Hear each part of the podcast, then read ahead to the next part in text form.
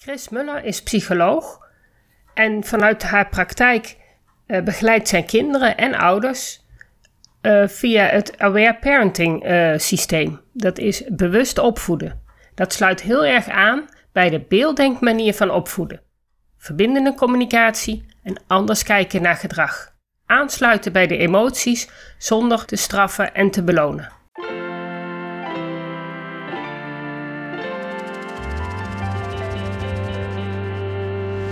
Welkom bij de Beelddenkers podcast. Ik ben Natasja Esmeijer van Beeldig Brein en de schrijfster van het boek Beelddenkers als kwartjes vallen. Ik neem jullie mee in de wereld van de beelddenkers. Beelddenkers zijn creatieve, intelligente en zorgzame mensen, maar ze hebben moeite met onze vluchtige, snelle maatschappij.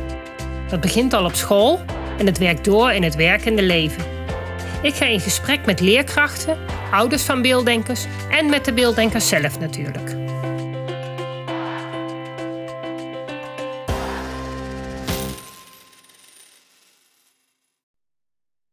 Welkom bij een nieuwe Beelddenkers podcast. Vandaag ga ik in uh, gesprek met Chris Muller. En Chris gaat zich eerst even voorstellen. Hi Natasja, dankjewel dat je me hier in de podcast hebt uitgenodigd. Ontzettend leuk. En um, ja, mijn naam is Chris en ik ben psycholoog en Aware Parenting regio-coördinator van Nederland. Um, en ik werk met ouders en professionals in het uh, omgaan met kinderen vanuit verbinding en vanuit vertrouwen, zonder straffen, zonder belonen. En daarbij help ik uh, dus de band eigenlijk tussen volwassenen en kinderen te versterken. En ook uh, tussen het innerlijke kind van een volwassene en uh, de volwassene zelf. Ja, oh, dat is wel interessant. Ja. Um, doe je dat, komen mensen uit heel Nederland bij jou? Heb jij een eigen praktijk? Ja, ik heb een eigen praktijk en mensen komen uit heel Nederland en ook daarbuiten wel. Um, en ik geef online cursussen, één op één, ook een opleiding en workshops. Uh, dus verschillende dingen. Ja, en het, heb je dan ook andere mensen in Nederland opgeleid? Is het echt een hele stroming? Ja, het is een hele stroming op basis. Uh, aware parenting is een van de modaliteiten of uh, ja, filosofieën die ik gebruik. Uh, maar aware parenting is een stroming uit de Verenigde Staten van een Zwitsers-Amerikaanse psycholoog, oorspronkelijk Europees, Aleta Solter. En ja, het is een wereldwijde stroming. En ik heb mensen hier in Nederland ook uh, daarin opgeleid die ermee werken.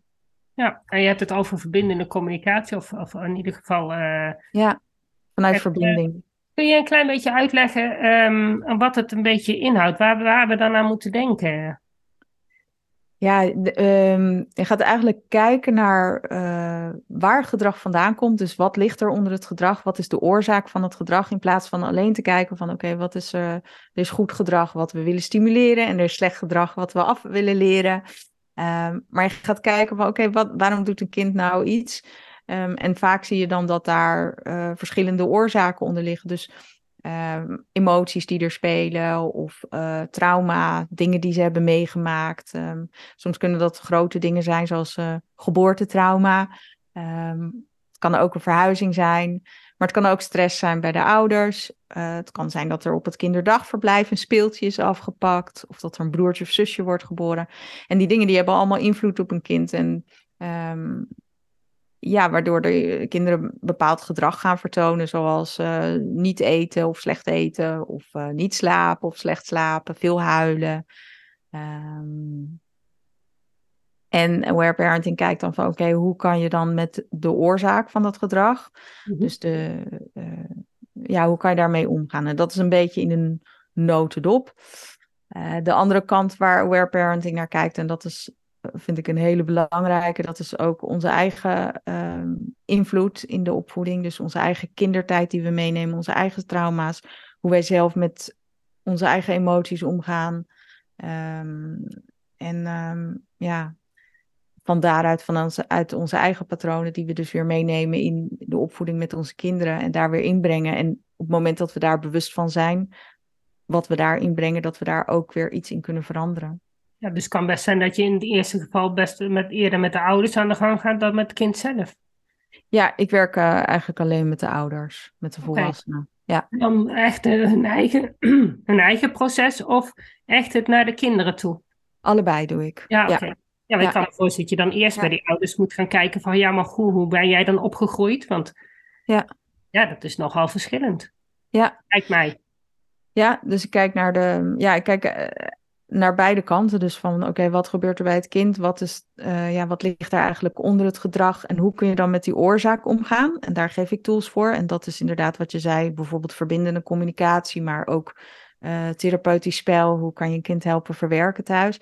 En de andere zijde eh, waar ik mee werk is kijken van, oké, wat gebeurt er bij jou als ouder of volwassene of professional ook? En wat wordt er in jou ja, getriggerd eigenlijk? Eh, wat komt er bij jou boven? En daar bewustzijn op brengen, zodat je ehm, ja, daar ook anders mee om kunt gaan. En ja, vanuit een andere hoek ook met een kind om kan gaan. Dus bijvoorbeeld als een kind huilt en een eh, driftbui heeft, dan ja, voor veel ouders die raken in paniek of die voelen zich een slechte ouder of er gebeurt iets van binnen of je wilt dat stoppen of ja, je voelt je ongemakkelijk, zeker als dat in het publiek gebeurt. Hmm. Ja, al die dingen van wat gebeurt er dan bij jou? Nou, dan kun je wel een tool hebben om met dat huilen om te gaan. Eh, dan kan ik je wel tools geven van hoe ga je ermee om? Of wat zeg je? Of hoe communiceer je? Of hoe help je je kind eh, dat verdriet te- of die boosheid te verwerken? Ehm, maar dan is het dus wat ik dan aan de andere kant doe, wat belangrijk is, is ook om te kijken van ja, hoe zit je er zelf bij? Wat gebeurt er bij jou? Dus wil je, ja, ehm, voel je je heel rustig? Voel je je warm? Voel je je gestrest? Wat is jouw eerste reactie op dat huilen? Denk je van, oh, ik ben een slechte ouder of dit is niet goed?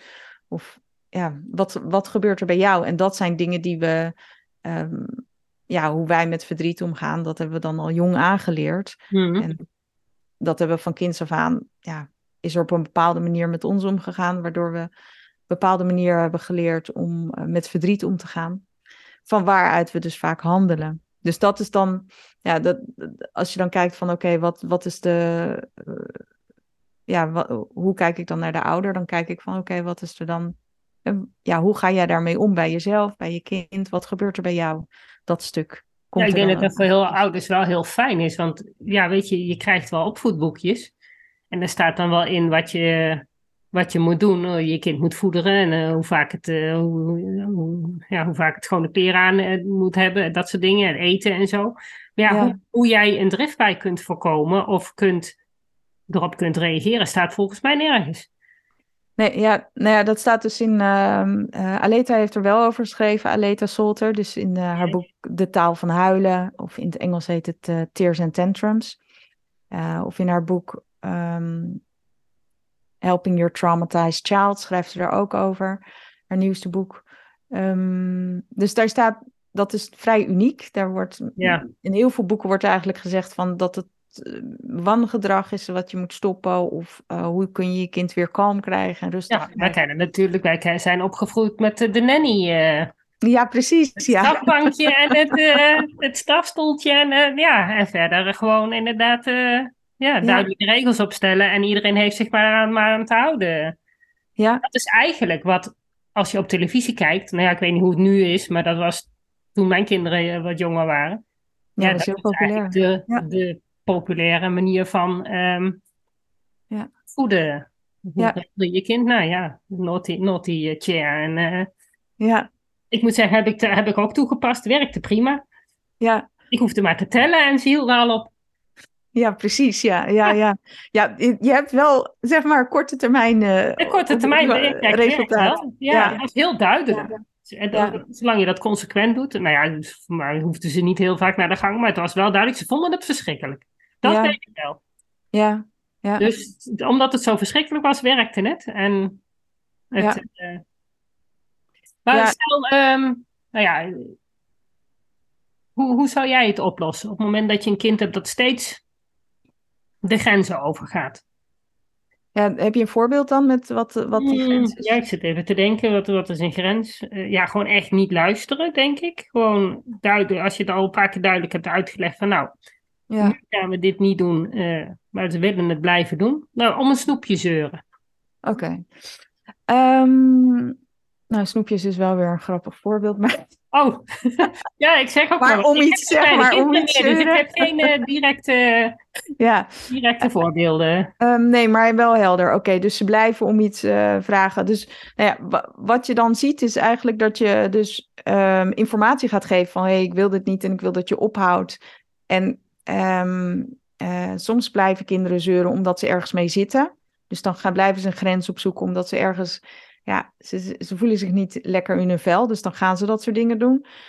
Maar de andere kant is ook, uh, uh, soms is er gewoon een grens en is er iets niet leuk. En wat wij dan geleerd hebben is dat uh, als wij zeggen nee, dat ze moeten ophouden en dat ze dat moeten accepteren en dat ze dan, weet je wel, en dat is dan het opvoeden. Um, als je kijkt vanuit aware parenting, dan zie je van oké, je zegt nee en je zet een grens en je, uh, weet je wel, dit kan niet of dit is, mm dit is nu niet mogelijk. Um, er is iets aan de hand of je kan de weg gewoon niet, überhaupt niet over, uh, overrennen, want dan lig je onder een auto dan wil je dat heel graag, weet je wel. Die zijn dan nog wel redelijk duidelijk uit te leggen. Ja, precies.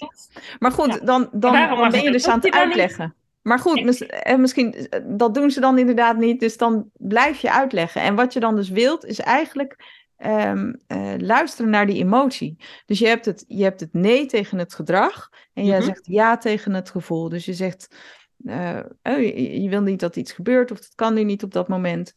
Maar je kunt wel luisteren naar de frustratie die daarover ontstaat. En wat je dan dus krijgt, is eigenlijk dat je ruimte gaat scheppen voor een kind om het te verwerken, om die nee te verwerken en om emotioneel uh, ja, daar doorheen te gaan en te voelen van oké, dit vind ik niet leuk en ik heb daar mijn zegje over en ik voel dat ik dit niet leuk vind en ik voel mijn, ja, ik voel daar nee over, dit wil ik niet.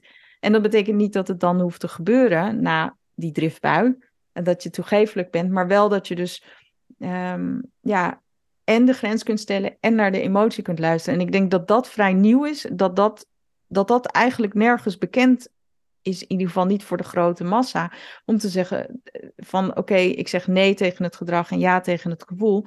Meestal is het van hé, hey, ik zeg nee, dus nu moet je het accepteren. En, en uh, als je huilt of boos wordt of een driftbui krijgt, dan luister je dus niet goed. Dus dan moet ik je gaan straffen. Terwijl je kan dus zeggen van oké, ik zeg nee tegen dat snoepje of die weg overheen of wat het ook is. En ik luister daarna naar het gevoel en ik zeg van, oh ja, je vindt dit niet leuk. Nou, dat snap ik. En, en, en een kind is dan aan het huilen en ja, soms duurt dat even. Dat kan even duren, want dat, hij heeft nog steeds dat knopje niet gehad, hè? Precies, ja. Ja. En, dus, en daar kan dus, uh, en soms zie je dan dat als er weinig verdriet zit, dan, dan hoeven ze daar ook relatief niet veel om te mm -hmm. huilen. Maar als er dus heel veel opgehoopt verdriet zit, omdat het er uh, ja, toch in onze cultuur weinig ruimte voor wordt. Ik denk ook dat het opstapelt. Dat, dat, dat, Precies. Dat ja. ene snoepje misschien niet eens het probleem is, maar de opstapeling van wat al die hele dag al gebeurd is. Precies. Het is ja. wel lastig om dat er af en toe te achterhalen. Ik kreeg heel vaak een, uh, ja. een huilend kind uit school. En zie er maar achter te komen waarom het op dat moment aan het huilen is. En wat er eigenlijk gebeurd is, waarom het zo overstuur is. Nou, dat is ook wel mooi dat je dat zegt en interessant, want dat is dus wat er vaak gebeurt, dat we willen weten waarom. En dus we willen weer eerst in eerste instantie begrijpen van wat is er dan gebeurd en gaan soms ook vragen van wat is er gebeurd. Um, en terwijl als je, uh, als je kijkt van oké, er is verdriet en er is, er is uh, boosheid, en misschien dus vanwege dat snoepje komt dat er dan als mm, aanleiding ja. uit. Ja, ja, dat je daarnaar kunt luisteren. En dan daarna, dus je hoeft niet altijd per se te weten waar het door komt. Um, maar dat daarna komt vaak, als ze kunnen praten, in ieder geval komt het verhaal of komt het eruit. Um, en kun je wel meer, ja, als een kindje rustiger is, daarover hebben. Of gaan ze het opeens uitspelen, weet je wel. Gaan ze het laten zien wat er is gebeurd. Um, maar dat, dat is dus een hele. Dat, daar zit dus ook een omkering van. We weten niet waarom, maar we gaan wel luisteren naar dat verdriet. Ook al ben je nu wel heel erg boos over één snoepje. Ja, ja. Uh, ja. uh, maar ja, het is net na school, weet je wel. Dus er zal wel iets op school zijn. Maar ik ga luisteren naar dat verdriet en die boosheid. En daarna eigenlijk helderheid krijgen waar dat dan vandaan kwam. Dus dat is ook een om, daar zit ook een omdraaiing. Is, ja, dus je moet, nou, ik denk ook op het moment dat een kind echt helemaal in dat verdriet zit, dan kun je zeggen wat je wil, maar dat komt volgens mij toch niet aan. Nee, precies. Dan zitten ze, dan, ja, dat, dat, is echt, dat, ja, dat bereikt en op dat moment niet. Nou ja, goed. En het, alge, het, het, het, het standaard voorbeeld, de, de kleuter in de supermarkt. Ja. ik wil die zak snoep kopen. Ja. Ja, en dan zegt moeders natuurlijk nee. Ja. Ja, en dan is het, uh, la, ik laat je achter. Ja. Uh, ja. ja, hoe ga je, hoe, hoe, hoe zou je dat oplossen? Stel, je gaat met je kind van vier en die is moe en die, nou, die gaat mee naar de supermarkt en die heeft op een gegeven moment helemaal de boel op en die ligt daar en die wil niet meer mee en die laat zijn ja. kaartje achter. En hoe, hoe, hoe zou jij dat oplossen vanuit de aware parenting? Want, nou ja, goed, de meeste ja. ouders die zeggen dan van, nou, uh, ik ga weg en uh, ja. je zoekt het zelf maar uit, je komt zelf maar thuis. Of, of in ieder geval iets in die trant. Ja. Of die worden heel boos, of uh, het heeft allemaal geen zin volgens mij. Nee, het heeft helemaal geen zin. Je wilt, ja, de, de, de, ja, je kan verschillende dingen doen. De vraag is, als je het gaat herkennen dat een kind vol zit met opgehoopte emoties, dan weet je eigenlijk al van, goh, dat, dat dat bommetje gaat ontploffen. Dus misschien moet ik even die supermarkt uitstellen. Ja, uh, totdat dat heb je niet gedaan. Je maar dat heb je dan niet gedaan. Dat, is, dat ja. gebeurt dan ook wel eens. En dan zit je toch in die supermarkt. En ja, daar heb ik ook wel eens gezeten. Ook, uh, ja, ook wel eens in de Ikea of in de, in de supermarkt. Dat je dan met een uh, huilend kind zit die op de grond... Ja.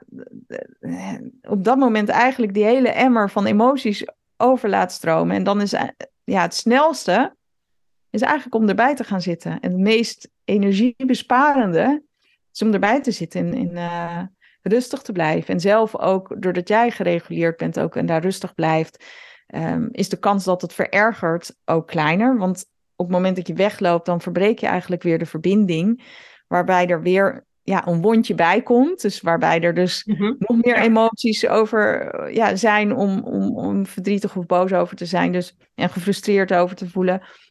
Dus het, ja, het meeste um, uh, wat ik altijd adviseer om, om eigenlijk het snelste is of het handigste is om te doen, is om erbij te blijven als je dat lukt en om rustig te blijven en uh, ja, een kindje te laten uitrazen en um, zorgen dat het, zeg maar, dat het eruit kan. En daarmee geef je een kind ook een, een, een signaal van veiligheid. Van oké, je bent veilig, ik ben bij je. Um, want wat er gebeurt op het moment dat je wegloopt, is ook dat een kind ja, met die emoties alleen is. En er is niemand meer, uh, er is geen veilige anker meer nee, eigenlijk. Nee. Om dat um, op dat moment ja, door te maken. Dus je wil daar zelf, je wil daar eigenlijk een kind een gevoel geven van veiligheid, waardoor die ook voelt waardoor die leert, als ik me zo voel, ben ik veilig. En niet, zich niet verloren voelt met die gevoelens. En dan um, uh, daar rustig bij blijft, zodat een kindje dat kan verwerken. En je merkt als je dat niet doet, dat het eigenlijk vechten tegen de bierkaai is. Mm, het, uh, wordt alleen maar erger. Het wordt alleen maar erger. Je ja. moet grovere methodes inzetten. Je moet, uh, ja... Als je bijna bij de kassa bent, kun je heel snel die kassa je voor aankijken en snel betalen en het kind mee naar buiten nemen. Maar ja, ja. ben je er nog niet. Dan, uh... Nee, en dan sta je zwetend buiten. Ja, want en, en weet je wel, wat, wat vaak ook nog het probleem is. Ja. Stel, je gaat het helemaal op, de, op jouw manier doen. Dan ja. krijg je wel de rest van de mensen eromheen die allemaal gaan vertellen dat het anders moet. Ja, precies. Dat denk ja. ik wel. Ja. Ja, ik heb echt verschillende dingen meegemaakt ook. Dat ik heb boze blikken gehad van wie, dat jij je kind zo laat uh, ja. zich misdragen. Want mensen zien het toch als misdragen in plaats van als emotionele verwerking. Mm -hmm. um, maar ik heb ook opmerkingen gehad van mensen die zeiden van wauw, ik heb nog nooit iemand zo zien reageren naar uh, zijn kind. En, ja. en dat dat, wauw, wat, wat bijzonder en wat mooi. En dat je zo rustig bleef en dat je, ja, dat je kind zo helemaal liet zijn. En, nou, ja, het effect ook wat ze zagen dan dat ja. een kindje dan daarna... Want dat is ook, weet je wel, die staat dan daarna vrolijk op en loopt weer verder. En je hoeft niet een kind helemaal mee naar huis te slepen. Die is nee. gewoon uitgehuild en ja, alles is eruit en je ziet het, de zon weer op het gezicht. Dus ja. dat heb ik ook meegemaakt. Maar de, het is lastig, weet je wel. Ik denk wel als ouder dat je inderdaad stevig in je schoenen moet staan en er helemaal achter moet staan. Het helemaal moet grijpen van jezelf. Ja. En dat je dan gewoon het moet durven, want ja. het is wel een hele stap, denk ik. Het is een enorme ja. stap, want je komt ook je eigen ja. critici tegen in je mm. hoofd en je ziet die boze blikken. En als ouder voel je vaak toch al ja, bekritiseerd of bekeken. Um, en, en we leven in een samenleving waarin we ja, veel oordelen over elkaar ook, maar ook over onszelf, waarin we dat van jongs af aan hebben geleerd. Dus ja, we, als je daar op zo'n moment uh, zit met een kind op de uh, vloer van de supermarkt, dan, um, ja, dan is het ook ontzettend veel compassie hebben voor jezelf en voor de mensen mm. om je heen, maar ook voor jezelf vooral. En, van, en al die um, ja, boze blikken die ook weer meer kritiek in jezelf triggeren. Hè, meer, meer kritische gedachten van, oh, wat moeten die mensen wel niet denken? Of, oh, ik ben tot last. Of, oh, ze vinden mijn kind vervelend. Of, oh, ja, om daar met heel veel um, ja, om daar met heel veel zorg en met zachtheid naar te kunnen kijken, dat vergt wel oefening. Want dat is niet iets wat we hebben geleerd. Ja, dat kan ik me voorstellen. Ja. Dat, jij, dat leer jij in principe ouders ook van om die stap te durven nemen. Om dan gewoon inderdaad voor je kind te gaan zitten. En niet voor de buitenwereld te denken van nou, ik moffel mijn kind maar zo snel mogelijk de, de, winkel uit. En uh, hopen dat ze niet uh, al te hard gekeken hebben. Ja, precies. Ja, dat is, dat, ik denk dat het wel... Als, ja, als we dat met z'n allen zouden gaan doen ja, hè? Zou het, zou het denk ik. Ik denk ook dat je zo'n zo'n uitbarsting als kind neem je wel mee. Het is wel weer een soort van trauma dat je, dat je oploopt. Als kind weet je daar geen woorden aan te geven. Nee. Maar het wordt wel opgeslagen. Ja, dat je die ervaring, ja. En dan wil je dus eigenlijk dat het opgeslagen wordt met uh, het gevoel van veiligheid. Van het is oké, ik hoef geen paniek te hebben, ik ben veilig, ik ben even boos en er zat wat tegen. Of ja, en misschien was het een opgehoopte, waar het opgehoopte, opgehoopte gevoelens van de hele dag. Um, maar dat je kan voelen inderdaad dat, je dat, dat het niet een extra trauma wordt, maar dat je kan voelen van, oh, het is verwerkt, het is, mm -hmm. het is gedaan en ik ben veilig, ik was veilig. ja. ja. Dan heb je ook minder kans dat het de volgende keer weer gebeurt. Precies, ja. Of dat het, dat het een hele slopende rest van de dag of avond wordt. Meestal zie je daarna dat, het opge dat de buizen opgeklaard en dat, ze, uh, ja, dat zelfs pijn verdwenen is. Of, of, ja. Ja. En wat voor, wat, voor, uh, met, wat voor soort mensen komen er bij jou in jouw praktijk? Ja, bij mij komen in, ja, in mijn praktijk komen toch wel veel uh, mensen die um, ja, wat bewuster met kinderen om willen gaan. Dus echt willen kijken van oké, wat uh, ja, ik wil kijken van wat gebeurt er nou bij mijn kind? Wat ligt er nou onder dat gedrag? Meer vanuit verbinding, die niet willen straffen, niet willen belonen. Um, en daar anders mee willen omgaan, maar ook niet eindeloos uitleggen waar we het net over hadden. Weet je wel? Nee, dat, nee, ja, dat werkt niet, dus wat moet ik dan? Um, en uh, veel hoogsensitieve strong-willed, sterke mhm. wil, uh, hoogbegaafde kinderen, ook beelddenkers. Dus um, ja, dus daar zitten veel van dat soort mensen komen. Ja, nou, beelddenkers zijn natuurlijk sowieso veel meer met hun gevoel bezig en hebben natuurlijk ook veel meer behoefte aan uh, ja. Dat gevoel leren uiten en leren benoemen en ehm, daar ook een weg in te vinden.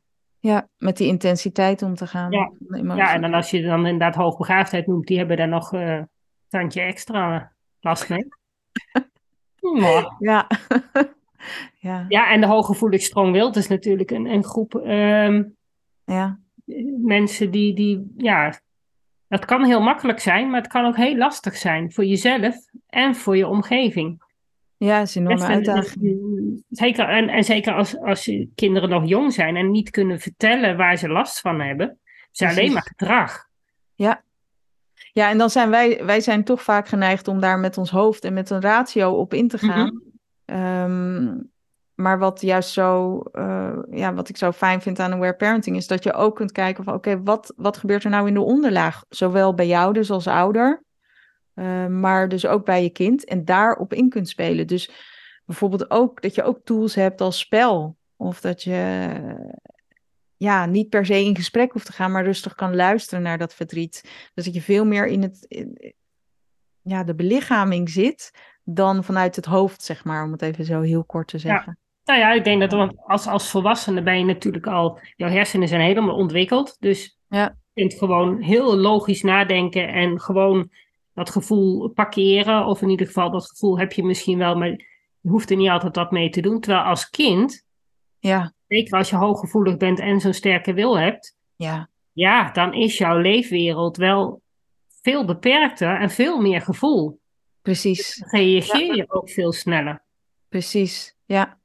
Je kan het nog niet parkeren. Het moet, Nee. moet er gewoon op En dat hoe, moment. hoe, hoe, want dat- ja, jij moet dan toch de ouders begeleiden.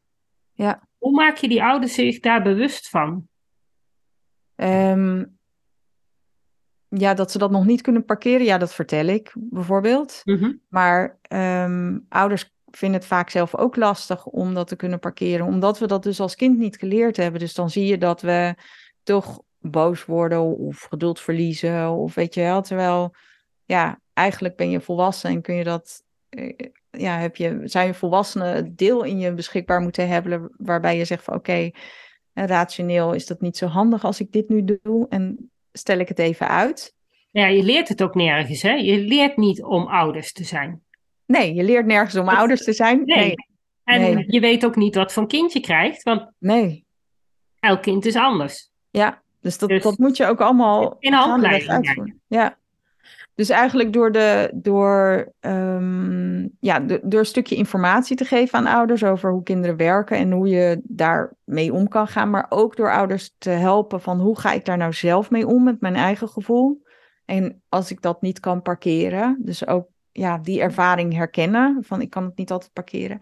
En leren om dat ehm, ehm, ja, met dat eigen gevoel om te gaan, helpt om voor ouders ook om met die gevoelens van kinderen om te gaan. Dus als de kinderen nu iets willen of nu iets eh daaruit moet, zeg maar.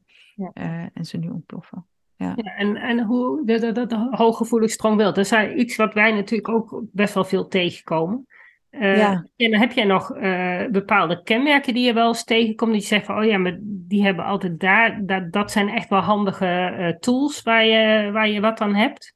Ja, bijvoorbeeld ehm, eh, ja, dat ze gevoeliger zijn voor eh, stoffen of gevoeliger zijn voor omgevingsgeluiden. eh, kinderen die wat hooggevoeliger zijn. of ehm, gevoeliger zijn voor drukte en een druk schema en veel meer rust nodig hebben. Dus daar kun je kijken van oké, ehm, als zo'n kind, als je zo'n kind ja, helemaal vol plemt de hele dag met allemaal activiteiten en er zit geen rust tussen, ja, dan kan je eigenlijk je vingers erop natellen dat er s'avonds een flinke huilbui komt. Dus als je dat een beetje wil voorkomen, of in ieder geval die huilbui wat minder wil maken, om dan te zeggen van oké, ik ga kijken hoe ik met die gevoeligheid rekening kan houden. Dus ehm, ja, moet mijn kind echt spijkerbroeken dragen? Mijn zoon die houdt, die wil echt alleen maar joggingbroeken aan. Dus weet je wel, die zijn zacht en dat, Ja. dat wrijft niet. Nou ja, weet je, dat scheelt jou ook eh, een heleboel frustratie. Want ja, die frustratie die hoopt zich op in een kind en dat moet er op een gegeven moment uit. Dus je kan dat ook, ja, je kan dat helpen verwerken, maar het helpt ook als je dat dan een stuk helpt voorkomen door rekening te houden met eh, ja, de overstimulatie op allerlei eh, vlakken. Ja, nou ja, dan moeten ze natuurlijk ook naar school. Ja. School heb je natuurlijk als ouders geen invloed op. Nee, Wat daar Ja, dat- allemaal in de school, in klas Ja. ook wel gebeurt. ja, En dan hebben we het niet eens over het leren, maar ook alles, alle kinderen, alle geluiden, alles wat daar gebeurt. Het is natuurlijk ook Ja. wel heel veel prikkels. En ja, enorm. ook heel veel eh, kinderen die dan, als ze uit school komen, juist eh, het bom laten ontploffen. Precies. Omdat ze op school eh, ja, zich toch dan toch wel aanpassen. Ja, ja, dat is echt. ja, dus je, nou ja, wat je in ieder geval als ouder dan kunt doen, is, is luisteren dus naar die bom. Je kan ook met ze stoeien, dat je zegt van, goh, we gaan zorgen dat die verbinding er weer is, dat die weer hersteld wordt. Ehm, en dat, eh, dat je je veilig voelt en dat je je emoties kan ontladen in het stoeien en een potje vechten met mij als ouder.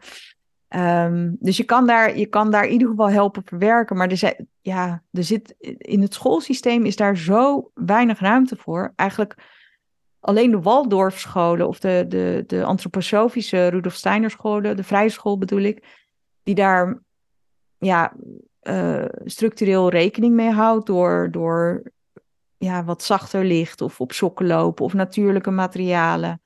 Er zijn meer scholen waar ze op sokken lopen hoor.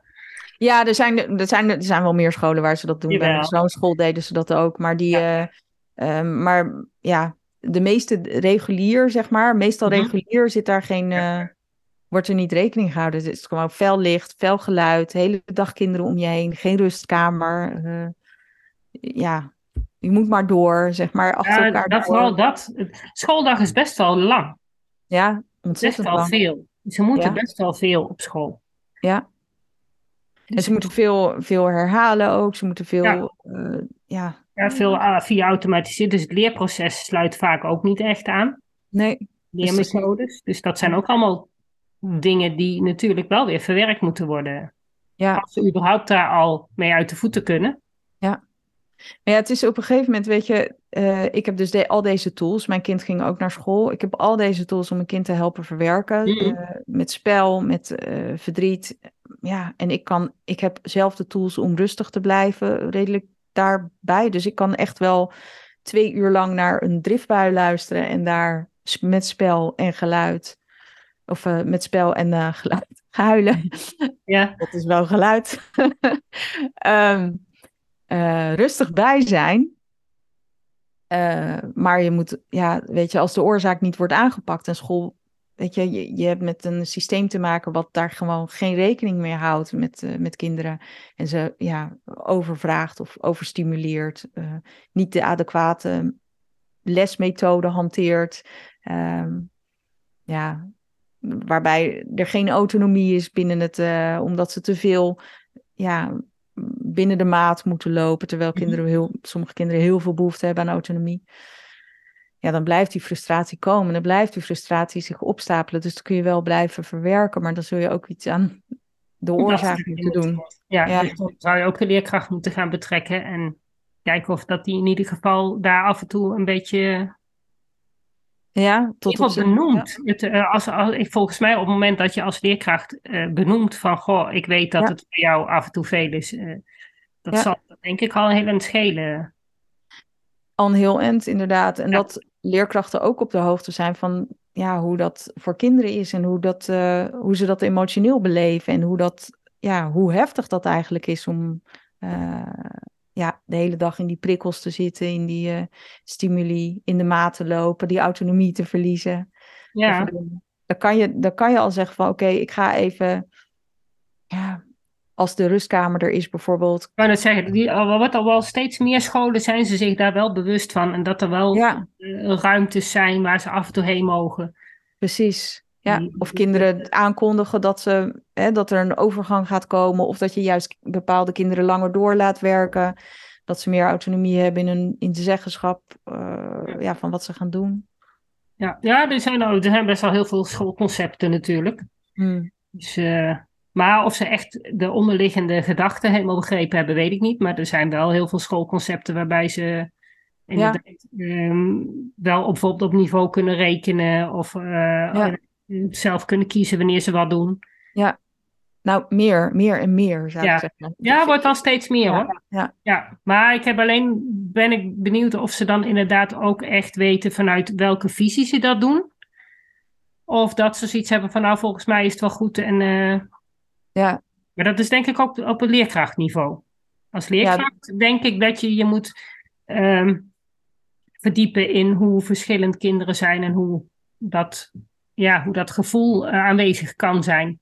Ja, en de, ja, hoe je daarmee om kan gaan. En ik denk dat dat ook weer waar we het net over hadden, dat is ook weer een nieuw proces. Want je kan wel een boekje lezen of je kan wel wat lessen volgen, maar daarna heb je ook nog de belichaming. Dus bijvoorbeeld bij mijn zoon op school gaven ze gewoon geweldloos communiceren en yoga en weet je wel, en we, we, er ja, ook vanuit autonomie gewerkt worden, dus dat werd ook wel gedaan. Um, maar ja, dan heb je, dat is zo nieuw, dan heb je eigenlijk ook nodig dat, dat de docent dat goed begrijpen en zelf in hun leven kunnen toepassen. En mm. dat is vaak niet het geval. Dus dan wordt het een lesje geweldloos communiceren, maar uh, even later, uh, ja, vliegt er gewoon andere taal weer na de les door de, ja. Uh, ja, door taal.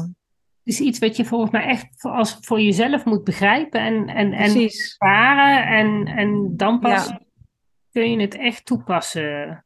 Ja, ja. En dan nog denk ik dat het ook met jezelf te maken heeft. Hoe jij zelf bent, hoe jij zelf in je hoofd denkt. Mm. Dat neem je ook mee. Ja.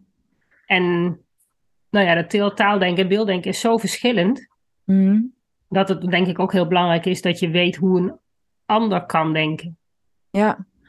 Nou ja, dat je dat begrijpt. En ik denk dat je ook uh, uh, daarbij goed belangrijk is om te kijken van oké, wat, eh, ja, hoe zit ik in elkaar? Hoe werk ik? En daar bewustzijn op hebt. En hoe je dus met de ander omgaat. En hoe je de ander, ja, vanuit welke ja, rol of positie je de ander benadert. Ja.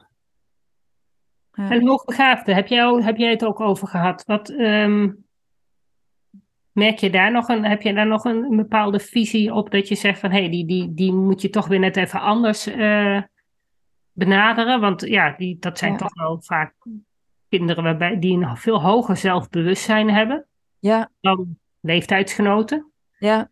Daar zul je ook rekening mee moeten houden, lijkt mij.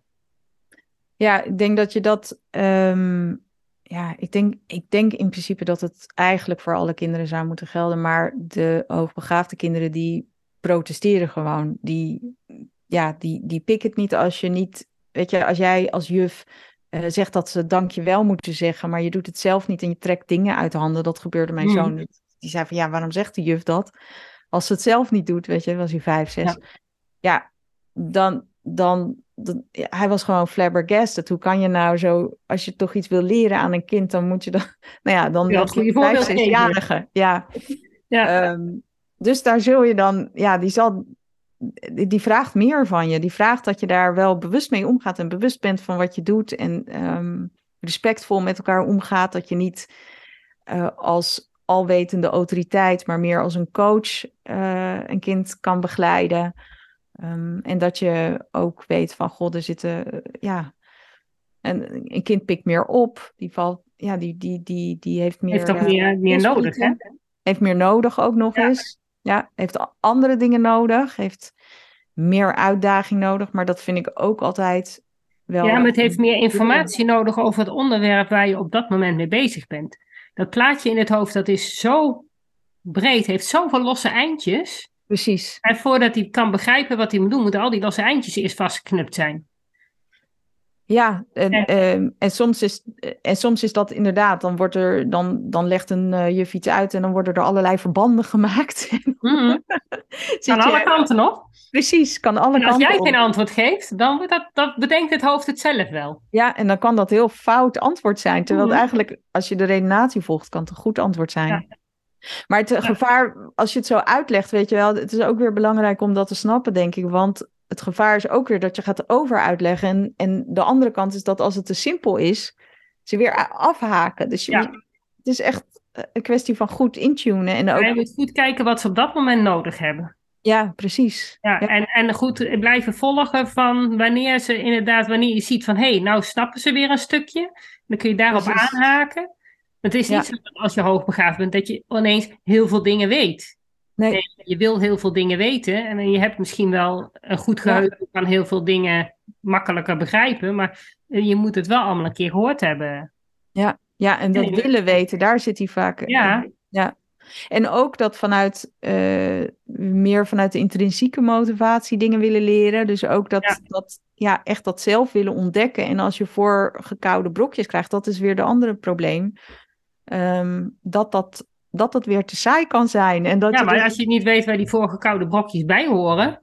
Ja, dat ook nog. allemaal eilandjes van kennis en hele grote hiaten daartussen. Precies. Want je hebt niet begrepen wat je nou precies aan het leren bent. Nee, dus dat hele dat heel veel bij hoogbegaafden. Uh, weg. Ja. Ja. ja, overzicht is heel snel weg, omdat er juist zoveel losse eindjes zijn. Dus je moet aan de ene kant heel veel ja. vertellen, en aan de andere kant inderdaad niet te veel, want dan krijg je weer nieuwe losse eindjes. Precies. Maar ja. je bent heel erg basic van, ja, maar hier gaan we mee bezig, maar wel vanaf het begin.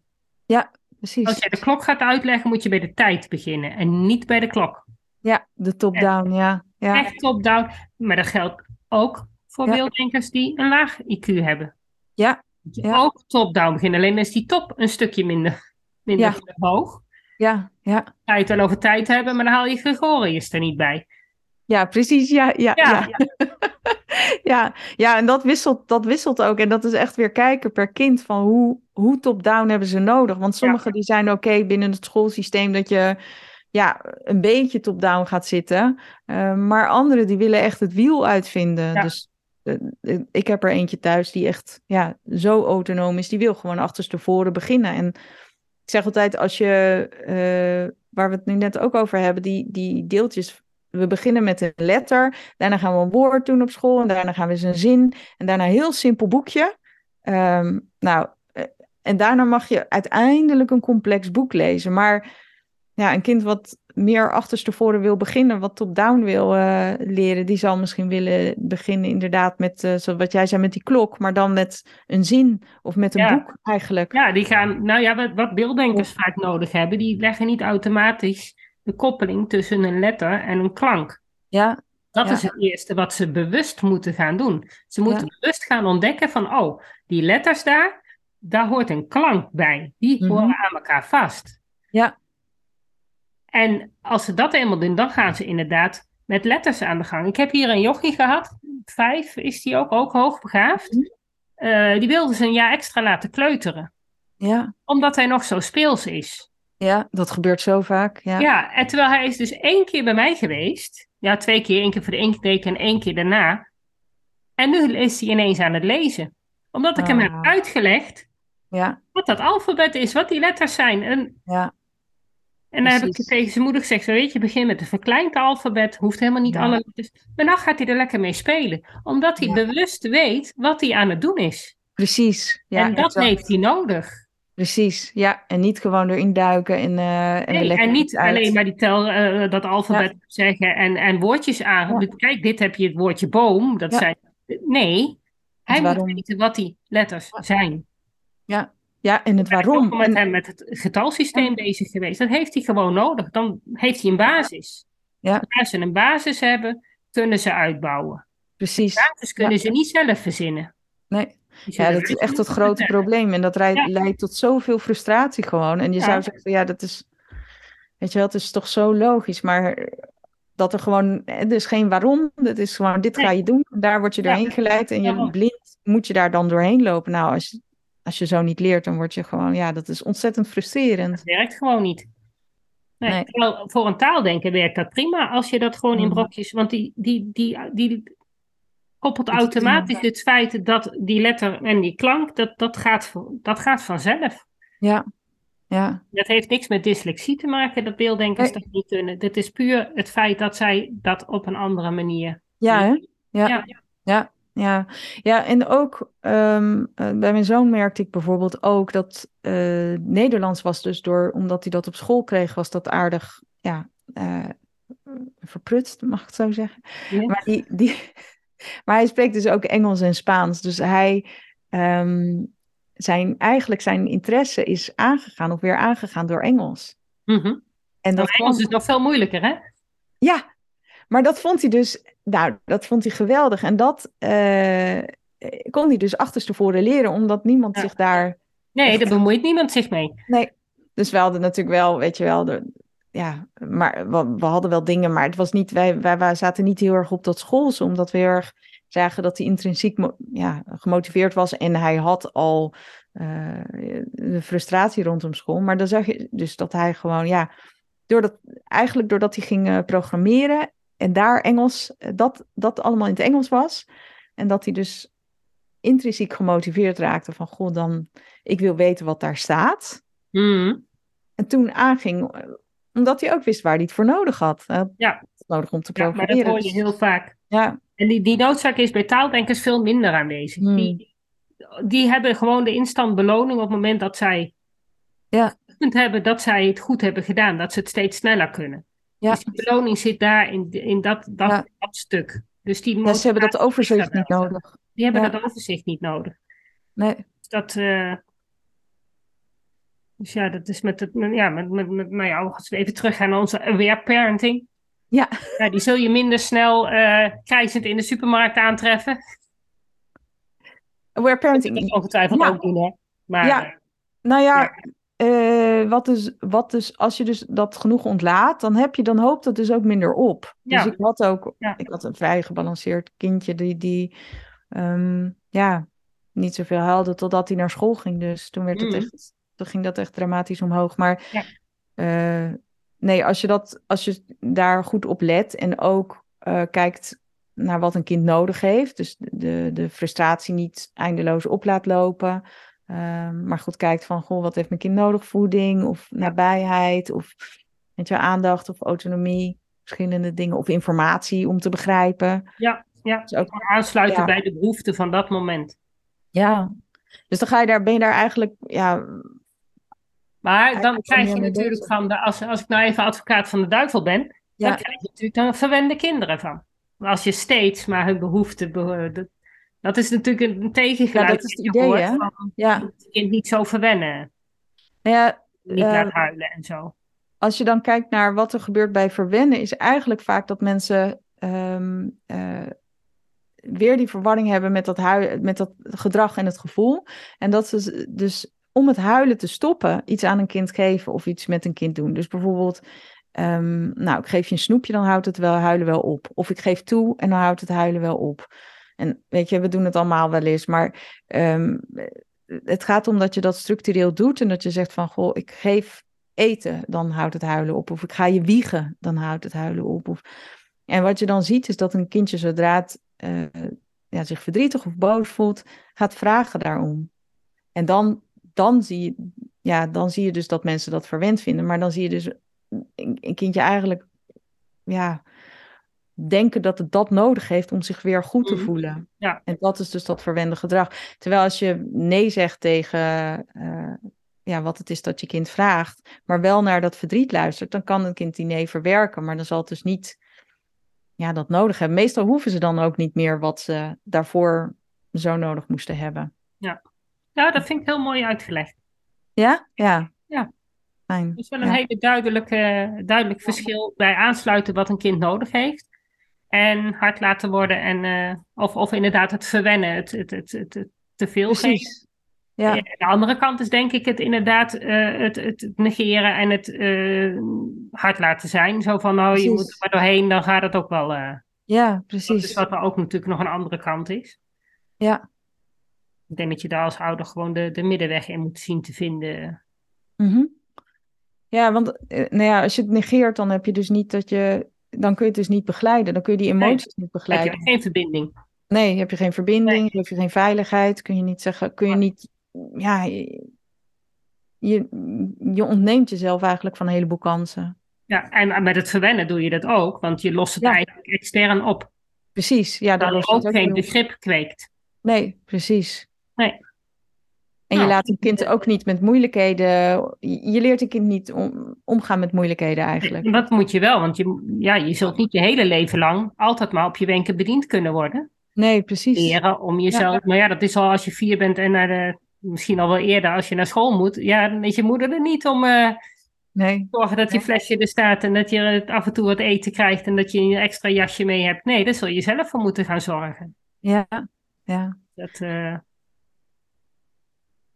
Ja, nou, ik vond het een heel interessant gesprek.